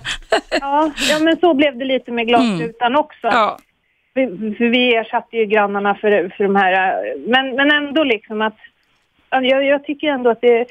Alltså för det har ju, jag ser ju det nu när, det, när han är 20 liksom. Mm. Att, att den här ansvarstagande biten, den har han liksom fått med sig. Och, och det kan jag se som bara egentligen av godo. Och det har ju jag och mina föräldrar att tacka för. Ja. Lever dina, nej din mamma var död sa du eller? Ja. Lever pappa då? Ja, det gör han. Och, och där, jag, jag hörde att du sa det alldeles nyss, det här med att, att prata med sina föräldrar. Han och jag har ju fått bättre kontakt nu, Mm. sen, sen han blev äldre. Vi bor ju tyvärr med 65 mil emellan Oj då, oss, oj då. Ja. Men det, han säger ju, har ju sagt mycket, eller många gånger till mig att ja, det är mycket det här med, med din barndom som jag skulle vilja ha gjort annorlunda. Ja. Och då känner jag bara så här, ja, men nu är vi där vi är och vi kan bara ta det här med oss som ett erfarenhetspaket. Absolut. Gjort är gjort, men man kan också precis använda sig av det man har gjort till att inte göra mer av det eller göra mer av det för att det var bra, liksom, eller hur?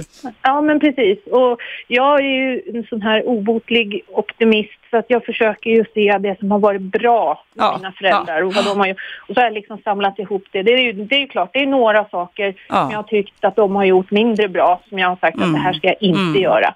Men, men samtidigt så, så eh, Nej men det, det känns som att man får plocka lite russinen ur kakan i sitt föräldraskap tror jag. Ja. Att försöka av din omgivning ta det bästa. Ja, okej. Tack snälla Cecilia för detta samtal. Vi ska ta en liten nyhetsuppdatering här på Radio 1, men fortsätt gärna lyssna en halvtimme till kring dagens ämne. Tack, Tack snälla, hej. Och dagens ämne, eh, ni andra, det handlar alltså om föräldraskap på gott och ont. Det är dags för självreflektion. Eh, har du fått eh, kritik? Har du fått konstruktiv feedback på ditt föräldraskap? Eller när du skaffade barn hade du en väldig massa förutsatser kring hur det skulle bli och blev det som du hade tänkt dig? Eh, ring in till mig och reflektera kring detta. Numret är 0200 11 12 13. Det går också bra att mejla mejl och mejladressen är evaradio1 gmail.com. Ni är flera stycken som sitter och väntar här och jag ska försöka ta era samtal efter pausen på Radio 1 som kommer här.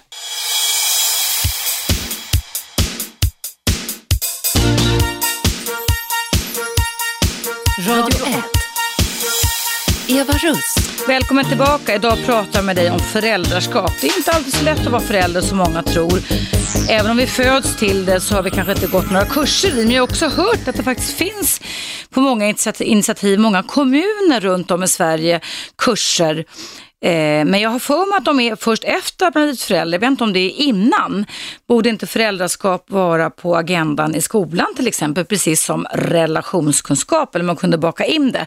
Jag pratar idag om just det ämnet, alltså föräldraskap på gott och ont. Nu ska vi prata med Madde som bara verkar haft det så bra i barndomen. Stämmer det verkligen Madde? Välkommen! Ja, tack. Ja, ja men det måste jag säga. Eh, jag måste verkligen ge cred till mina föräldrar. De har varit, det har varit helt fantastiskt. Vad är det som varit så bra då? Kan du berätta det så vi förstår? Ja, men de har alltid ställt upp eh, lagom av allt. Alltså jag har ändå fått ställa upp hemma. Mm. Fritid, laga mat, duka, allt det här. Eh, ja, alltså jag vet inte vad jag ska säga, fått trygghet. Det har inte varit något liksom drickande, det har inte varit något... Ja, det har liksom varit lagom av allt, Mm, kan jag känna. Det har varit toppen. Och jag har fått... eh, Men just det här att jag har fått tryggheten. Jag har fått vara den jag har velat och allt det här. Mm. Ja. Och, och, Och jag har inte reflekterat kring det här förrän jag själv fick barn. Just det. Mm. Och nu har jag separerat från barnens pappa. Efter hur många år då, om jag får fråga? Ja, Ungefär? eh, vi var väl tillsammans ungefär tio år. Okej. Mm. Ja. Eh, och nu kan jag känna att jag har så dåligt samvete. Mm. För att mina barn kommer ju inte få det så där tryggt och bra. Och, alltså mina föräldrar har alltid visat känslor för varandra och inte bråkat. Eh, men självklart haft diskussioner. Det är det jag menar med lagom. Liksom. Det har inte varit något överdrivet eh, eh, liksom prinsessliknande. Nej, inte så. Men ja. Eh, så att, för du pratade lite om det här med om det kan ställa till det, det här med föräldraskapet då, bra och dåligt. Ja. Och då tänker jag just på att det är självklart är jag jätteglad. Jag har ju haft en fantastisk uppväxt. Men det är ju lite så att det ställer till det för mig nu. Eller ställer till Ja. det. Men jag vill ju liksom ge mina barn allt det jag har fått. Och det gick ju inte. Alltså det går ju Hur, hur gamla är era barn nu då, Madde? Ja, eh, mina barn är åtta och fem. Okej. Mm. Och eh, är, du, är du enig med din man om att ni ska separera eller har ni gjort det redan? Oh ja, alltså vi har gjort det för två år sedan och jag har träffat en ny kille till Jaha, det är, Okej, ja. Så visst, det är bra och barnen har det bra. Men det ligger mer hos mig. Ja. Att jag känner att hur ska jag någonsin kunna ge mina barn en sån trygg och bra uppväxt som jag har haft? Ja, genom att det, enda du kan göra är väl att du agerar på det sättet, på det kloka sättet som du själv upplevde att du fick nytta av från dina föräldrar. Och sen får din exman, deras pappa, agera på sitt sätt. Ja. Eh, det är det enda du kan göra. Du kan ju inte agera åt, åt honom liksom. Du får Nej, nej. själv. Jag bara menar att det behöver ju inte alltid vara så eh, att, eh, hur ska jag säga, bara för att man har haft eh, guld och gröna skogar liksom. Mm. Eh, alltså just därför att jag har haft det så bra tänker ju jag idag väldigt mycket, åh, hur ska jag göra för Det är som en liten tyngd liksom. Hur ska jag göra Men du, har dina föräldrar lagt sig i att ni skilde er när barnen var så pass små? Nej. De har inte haft Ja, någon synpunkt De har stöttat mig. Ja. De har stöttat mig och ja, som de alltid gör. Okay. Eh, så men det jag ville säga var egentligen ingenting mer än att ja, det är ju fantastiskt att ha haft det jättebra men det hade ju kanske, det här har jag pratat med mina föräldrar om och de kan säga ja det hade väl varit bättre om en av föräldrarna hade varit eh, alkoholister och, eller vi hade bråkat Varför jämt, skulle det vara bättre? Det förstår jag inte ditt resonemang. inte bättre, men jag menar... Då hade ju jag idag känt mig väldigt trygg i min föräldraroll. För jag Mm. är ju en väldigt bra mamma egentligen. Du menar att det är svårt att leva upp till den perfekta föräldern för du upplever själv att din, din uppväxt, där hade du perfekta föräldrar. Ja. Ja, exakt. Jag tror ju faktiskt inte att det finns några perfekta föräldrar. Jag tror de har sina skavanker med och det är viktigt för de andra, ni andra som lyssnar att släppa perfektionismtänket och det behöver du också göra Madde. du verkligen. behöver släppa Ja, ditt jag perfektionismtänk och slappna av lite kring det och inte vandra så mycket tanken tycker jag kring det utan ge järnet för det du är och värna om dina värderingar och visa dina barn de, de positiva kvaliteter och egenskaper du har så att de blir bra vuxna medborgare så småningom, tycker jag. Ja. ja, det blir nog bra. Det blir nog bra. Tack snälla Madde för din, ditt samtal. Hej då. Hej. tack, hej. Hej. Hörrni, det är många som ringer. Eh, jag ska prata med Tina. Hallå Tina? Nej, Tina la på. Då pratar jag med eh, Mer. Står det hallå Mer? Nej, hej. Ni orkade inte vänta. Stefan då? Ja, hejsan Eva. Hej, välkommen. Hej. Ja, jag tror, jag tror jag har två påståenden eller poäng. Ja. Ehm, det första är att um, angående den där med unga föräldrar. Mm.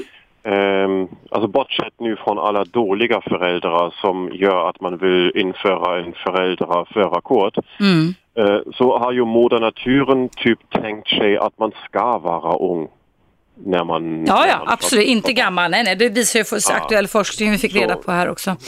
Ja men alltså det, det är ju så ehm, och det är typ, behöver man inte diskutera om det, det saken. Mm. Men vi har ju, eller samhället, samhällets utveckling har ju ställt till det där Mm. med att Eh, nu för tiden eh, stoppar man ju oss människor i så ungefär tre lådor. Det blir barn, det blir vuxna och sen blir det gamlingar. Mm. Och respektive sätter man dem i sin, eh, i sin, vad heter det, ja i sin låda. Alltså en dagis, skola, sen uh, vuxenlivet och sen ålderdomshem. För, alltså när, eh, och för inte alltför så, länge sedan, då tog, eh, då tog man hand om deras fel helt automatiskt. För alltså till exempel mina föräldrar, när de växte upp, det var deras förföräldrar. De var precis mycket, så mycket delaktigt i uppfostrandet uh, än deras egna föräldrar. Ja. För um, då, var, då var man bara tvungen att samarbeta. Alltså, Ja. det var, min mamma till exempel uh, blev uppfostrad uh, ganska mycket av hennes mormor. Mm. För de bodde i samma hus, mormor var gammal, hon kunde inte f- jobba på, uh, på åkern längre eller så vidare. Så hon tog hand om barnen medan föräldrarna såklart Mm. var tvungna att jobba. Så Mm. Att, det, att vi har isär, eh, eller att vi håller isär våra generationer, det ställer ju till med jävligt mycket. Ja, för att det är någonstans så att, att i alla fall som jag har sagt tidigare i mitt program att eh, det finns några forskare, vetenskapsmän som pratar om mormors och farmors hypotesen, alltså lite det här att vi har utvecklat beteenden som ska göra att vi ska skydda våra avkommor i generationer, för det skulle innebära evolution för oss som ras, om man säger så, eller som art. Va? Eh, och jag är övertygad om att det är inte alltid bra, i alla fall inte när man sätter barn för tidigt i för stora barngrupper med för lite personal på Ja, ja, dagis. absolut. det är inte bra. Det, det, det tycker jag heller. Mm, det är inte bra. Men eh, sen har föräldrar ibland inget val. Alltså det, jag satte mina barn också tidigt när jag inte kunde annat för, för 30 år sedan eller 25 år sedan. Men idag vet vi det att vissa barn inte riktigt pallar det va? Ja, men, och, och Men många så att pallar det nu- ska vi nu säga för också. tiden- Men... Nu för tiden är det ju så att många har, alltså många eh, familjer, de måste båda jobba för bara för att gå runt Mm, på något sätt. Ja, ja, absolut. Eh, sen sen min, mina föräldrar, de var egentligen inte, alltså i den generationen var, var de inte tvungna att båda jobba. Nej. Eh, för då var det, räckte det med, med en inkomst. Mm. Eh, deras föräldrar nu, å andra sidan, de var tvungna att allihopa jobba. För Ja, då var det. också hemmajobbet så mycket, mycket mer jobb. Mm. Det var den, ja, så... Och sen då, på det sättet då löste sig såklart det där problemet när man är ung och Fast, fast, fast jag, tror ju, jag tror ju Stefan, jag håller med dig det du säger, men jag tror ju att det, det skulle kunna vara en uppmaning till många moderna par idag som har småbarn att se om man ändå inte kan dra in på vissa saker. Alltså jag är övertygad om att när min pappa, eh, när jag växte upp så var min mamma hemma förut tills jag var 12 år med fyra ungar.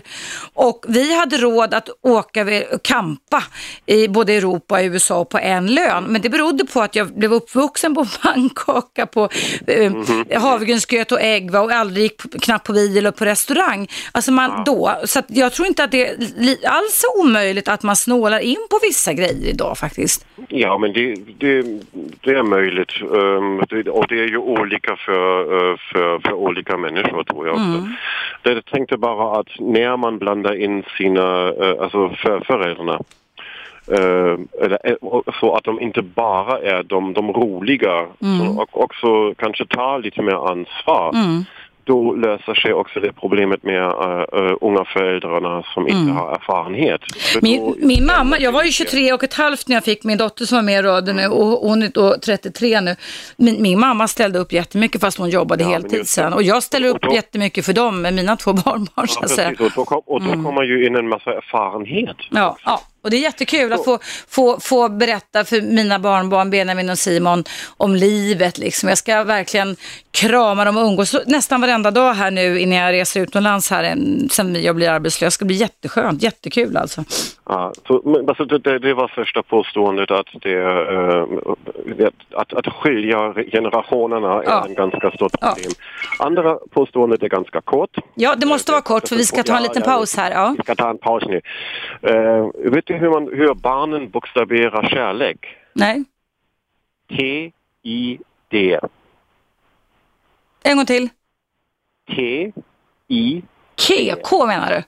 Nej, T-I-D tid. Tid menar jag. Ja, men det var fint Stefan. Tack så jättemycket för det argumentet. Det ska jag komma ihåg. Tack ska du ha. Tid. Alla, ja, just det. Det är kärlek det. ni, det är dags för en liten paus. Du lyssnar på Radio 1. Jag heter Eva Russ och jag tänker fortsätta till cirka 11.57 idag eftersom det är direktsändning prata med dig om föräldraskap på gott och ont. Det är dags för självreflektion, det är dags för utvärdering. Det är dags att ta med sig de göttaste bitarna in i både eh, föräldraskap eller kanske mor eller far eller far föräldraskap också. Och har du erfarenheter eller tankar kring detta så kan du ringa nu och numret är som vanligt 0200 11 12 13.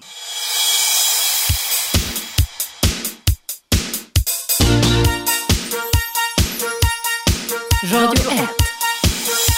Eva Russ.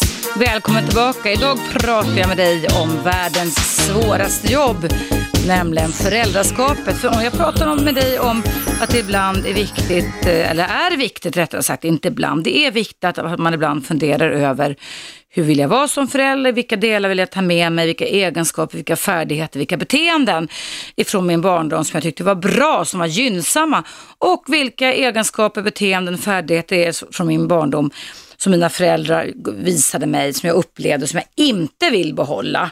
Så ser evolutionen ut, att vi rensar bort sådana saker som inte blir något bra för oss. Tina har ringt in igen och jag ska höra vad Tina tänker kring detta. Hallå Tina! Ja, hej! Välkommen! Hej Eva! Ja, föräldraskap det är ju ver- verkligen världens svåraste jobb. Mm. Men man ska alltid tänka att du själv är den bästa mamman till dina egna barn. Har, har du egna barn? Jag har två barn som är 30, 16 och 18 år nu. Ja. Jag var 34 när jag fick mitt första barn. Du var 34. Och hade du, har du haft genom åren Tina reflektioner kring eh, hur du hade föreställningar och målbilder och visioner om hur du skulle bli som förälder? Ja, jag hoppas att jag har varit den bästa mamman Mm. för dem alltså. Men det har ju inte varit så lätt alla gånger. Nej. Ibland behöver man 28 timmar på ett dygn. Ja, det är en, det är en bra beskrivning. Men, men, men in, när du skaffade barn i ganska mogen ålder, om jag får säga så, vid 34, hade du då innan barnet blev till, det första funderingar kring vad, vad vill jag ta med mig från min barndom som var bra och hur skulle jag vilja uppfostra det här okända eller ofödda barnet nu som strax kommer och anländer? Eh, Jag hann inte planera så mycket för det var så här nämligen att min syster kunde inte få barn. Ja. Och hon, de gjorde sån här provrörsbefruktning Mm. som resulterade i tre barn sen. Eller tvillingar först och sen ett barn Oj, oj, senare. oj. Och då tänkte jag att jag kanske inte heller kan få barn. Ja. Så vi provade och det, det funkade. Så, så du, du tänkte på din syster och allting där och sen blev du gravid igen, så du tänkte inte på... Ja, min syster var ju, hon är fyra år äldre än mig. Ja. Så jag tänkte kanske jag har samma problem att jag, Ja, jag kan inte bli gravid. Men det var inga problem, det blev två Mm. pojkar. Men jag bara tänker, har du på re, under resans gång eh, eh, funderat över ditt föräldraskap? Jag menar, ibland har man ju tid kanske för en kopp kaffe eller en kopp te och sätta sig och Ja, fundera över liksom, hur är jag egentligen som när- mamma eller pappa? När jag stod på väntelistan, jag skrev så här att eh, jag har ju varit, det har varit tufft Mm. många gånger. Men en sak som hjälpte mig så var så här, vad det gäller mat och sånt här, att veckoplanera. Mm. Till exempel att man ät, äter Mm. måndag korv, ti- tisdag fisk, onsdag pasta. Så här. Eh, Och det är bra, men jag bara tänkte, om du tänker på dina egenskaper, dina beteenden mot dina barn, har du tagit efter något från dina föräldrar på gott och på ont? Eh, på, från mina föräldrar, jag tror att jag försökte göra allt vad de, tvärtom. inte på samma sätt. Nej, det är det jag menar va? Utan det, det du fick lite av, gör du mycket av idag Jag istället som mamma liksom? Ja. Försökt att göra allt vad min mamma inte gjorde. Just det, precis, Min det är det jag mamma menar. har inte Ja. riktigt kanske varit den, eller hon har varit bästa mamman för mig såklart, men hon själv, hennes mamma dog. Mm. Och hon kommer från Gareden. Ja, Så hon fick lämna allting, liksom hemmet och allting. Så det har alltid liksom varit det ja stora tab- tabu ämne i vårat... Mm. Släkten nu, och sådär. Hon ja. bor i ett annat land nu, hon bor i Finland. Ja, ja, okej. Och jag bor här. Ja. Men, där, men var det ett medvetet beslut att inte göra som mamma gjort mot dina egna barn eller var det ett jag har omedvetet? försökt liksom göra sån, som jag tyckte hon gjorde fel. Ja. Jag har för, försökt inte göra så. Men Ja, det. det vet jag inte om det har varit bra. Mm. De är ju sex- 16 och 18 så att Nej men så där har jag också gjort. Jag Alltså, jag, jag, jag, jag bestämde mig tidigt för att det är vissa saker och eftersom mina föräldrar lever fortfarande så vill jag inte säga vad det är. Mm. Men, men, men alltså vissa saker nästan svor jag på liksom, i och med att jag var, Min- hade en st- stark barnlängtan tidigt att aldrig mer, så, så där tänker inte jag bete mig mot mina barn och vissa av de här sakerna har jag faktiskt hållit på också. Ja. Inte allt men mm. Jag är tacksam. Mina föräldrar har gett mig liksom, vad ska man säga, nycklar till skogens skafferi. Fick Jag till genom skogens skafferi, det vad vackert det låter. pappa, jag tycker att pappa gav mig det. Mm. Och det, vad innebär det? Kan du berätta vad den metaforen innebär? Nycklar till skogens skafferi. Vad det innebär? Ja. Men det är liksom att man går till skogen och han lärde mig allt om svamp och Vad bär och Mm. allt sånt där som, som jag har försökt. Tänkte jag min pappa som ändå är från Dalarna och Bondson inte lärt oss ett skvatt om. Det jättesynd faktiskt. Ja, nej jag jag tycker det, var kul, det är ja. från pappa. Fiska och allt, allt Ja. det där. Men mina barn, man får betala till dem och säga, om du hittar en kantarell så får du fem kronor. Jaha. det blir dyra svampar. Ja, det förstår jag verkligen. Det blir dyra svampar. Okej Tina, tack så jättemycket för det samtal in till mig. Tack för att du lys- fortsätter att lyssna. Jag, vill- jag vill tacka dig och hela Radio 1. Det har varit helt fantastiskt och jag kommer säkert att sakna er Ja. sen i januari när julrussen. Ja, än så länge hörs vi ända fram till nyårsafton klockan 12 i alla fall. Tack så jättemycket Eva, du är toppen. Tack så hemskt mycket. Var- det- det- De orden värmer ska du veta. Tusen tack Tina. Tack. Hej då. Hej, hej. Ja, jag hinner med ett samtal till. Eh, ska vi ta Alex? Ska vi se här. Där har vi knappen där. Hallå? Nej, då la Alex på. Då tar vi Matti. Hallå Matti? Hallå tjenare, det är Jarri hörru. Ja, jag hör det. Ja, du hoppade över mig. Jag räknade nämligen till åtta äh, före mig va. Mm. Så sen tog du till och med lite flera. Du och jag har inte pratat med varandra på nästan två år tror jag. Du var ju väldigt frekvent att ringa in till mig i början när jag jobbade, började jobba här. Men sen har du ringt in till Aschberg istället, eller hur? Ja, det, du kommer nog ihåg om du tänker hur det var, men äh, du kanske inte vill tänka på sådana saker. Jag kommer inte ihåg hur det var. Vad kan du berätta? Ja, ska jag berätta, tycker du? Ja, för jag kommer Kommer inte du ihåg. ihåg vad du skrek till mig i telefonen? Nej, berätta vad jag skrek till dig Jari. Du skrek till mig så här ungefär ett år sedan att ringer du hit en gång till och sabbar det här programmet totalt för mig så kommer eh, jag bli sitt förbannad så sluta ringa aldrig mer. Sa jag så? Wow. Ja. Ja, ja, ja. du ser att jag, har- jag har kort, kort minne. Jag är inte långsint, som du märker. Nej, inte jag heller. Nej, men men, vilken tur då. Men jag blev lite orolig för vi hade, jag trodde vi hade kärleksförhållande nästan. Du trodde nästan det. Nej, det var, stämde inte riktigt. Men man kan ju, tro, man kan ju få, få en föreställning om det när man pratar med någon väldigt ofta radion. Men du, lite kort bara, för vi måste snart sluta. Är det bra med dig? Det är bra med mig. Ja. Håller Hur, ska på du överleva då att vi lägger ner nu då? Du, Jag blir ju arbetslös, det är ju sant. Eh, Ja, jag menar det. Ja, jag har ju jag har skrivit vet du, äntligen en bok på svenska. Den heter MS Karlsö alias PMS eh, Torkö. Okej, okej, den låter intressant titel. Eh, den har jag ju skrivit på finska också så jag kommer nog att ha mycket Vad heter den på finska då, Jari? Den heter MS Karlsö alias PMS Torkö. Okej, okej. Det är så här, alltså är direkt översatt. Finska förstår du, finska är inte svårt. Nej, språk nej, jag tycker det är jättesvårt. Men du, en kortis då kring föräldraskap. Du är ju förälder själv, eller hur? Det, precis, och det skulle jag komma till. Att Mm. lära finska eh, till sina svenska barn är, stor, större upp, uppgift, tänkte jag säga, Mm. än att eh, invandera Irak med hjälp av eh, Israel. Mhm. Men l- b- bor dina barn i Sverige och du ska lära dem finska, är det det du säger? Ja, precis. Det är omöjligt. Du vet, lägger jag barnet till den kallade hemförundervisning? Mm, då väntar de att barnet kan redan äh, den språken äh, Ja. som de ska lära honom. Är det inte idiotiskt? Tycker du själv, vad är idén att lägga barnen där tre timmar i veckan och plågas? Äh, äh, äh, om han eller hon redan kan språket, varför ska hon eller han sitta där? Men det måste du väl inte? Det- Jag uppfattar att Nej, hemspråk... det måste inte, men man tror ju att de lär sig mera. Ja, ja, man tänker det, de ja. ja. Det finns inte. Nej. kartan. Det finns inte, inga böcker heller att äh, fixa till Nej. äh, lära barnen finska. Det finns inte. Jag ska skriva en Lärobok bok kanske då? Ja. Ja, Du har ju blivit ganska känd genom Radio 1 här, så du skulle väl kunna skriva en lärobok kring det i sådana fall. Det vore jättebra. Jag ska göra det, jag ska skriva och sen ska jag lära svenska via slang. Äh, Ja. ord alltså. Finska slang. Om jag säger till dig, äh, Eva Russo här, äh, mina rakastan sinua, det förstår du. Men om jag säger fågel i sjunga skoges. Nej, ingen aning. Fågeln sjunger i skogen eller? Ja, rätt. Och det är finska slang. Förstår du hur lätt det är att lära sig finska då? Nej, inte det där finsk slang, det tror inte jag på Jari. Jo, jo, fågel i sjunga skoges är, är lika finska slang som... Jag tycker det eh, låter som rövarspråket ja. Ja, men ringa Sulle, det betyder jag ringer dig. Man ringer så, okej. Tottasos kock kock, tack Jerry. Nu ska jag avrunda för idag. Tack för att du ringde in, det var kul att prata med dig. Och jag är inte långsint som du vet. Ha det jättebra så länge. Ja, lycka till. Tack, tack så jättemycket. Tack detsamma. Hej då. Hej. Ja, det var Jerry och jag är inte långsint. Nu är det nämligen dags att vi avrundar. Det här programmet som har handlat om föräldraskap på gott och ont. Det är dags för självreflektion. Eh, det går i repris på Radio 1. Första gången kan jag väl säga då klockan 20 ikväll på frekvens 101,9. Men sen så kan du säkert lyssna på det här programmet på play hur många gånger du vill och play-funktionen med alla mina snart 500 program finns ju kvar om jag har förstått ganska länge här.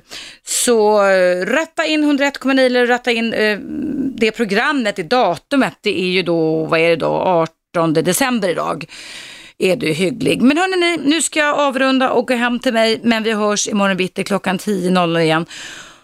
Och då är det bara två dagar kvar med två aktuella relationsämnen. Jag hoppas att så många som möjligt av er som lyssnar, lyssnar då och ringer in. Och eh, sen önskar jag dig i julruschen en bra men hyfsat stressfri dag. Och på återhörande klockan 10.00 igen. Hej då!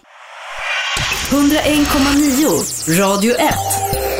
Sveriges nya pratradio.